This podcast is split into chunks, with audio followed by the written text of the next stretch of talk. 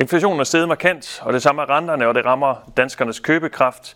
Privatforbruget vil formentlig komme til at falde, og i en ny prognose, som vi netop har udgivet, forudser vi, at øh, dansk økonomi står foran en middelhård krise, hvor beskæftigelsen kommer til at falde med 4.000 personer, og boligpriserne også kommer til at falde.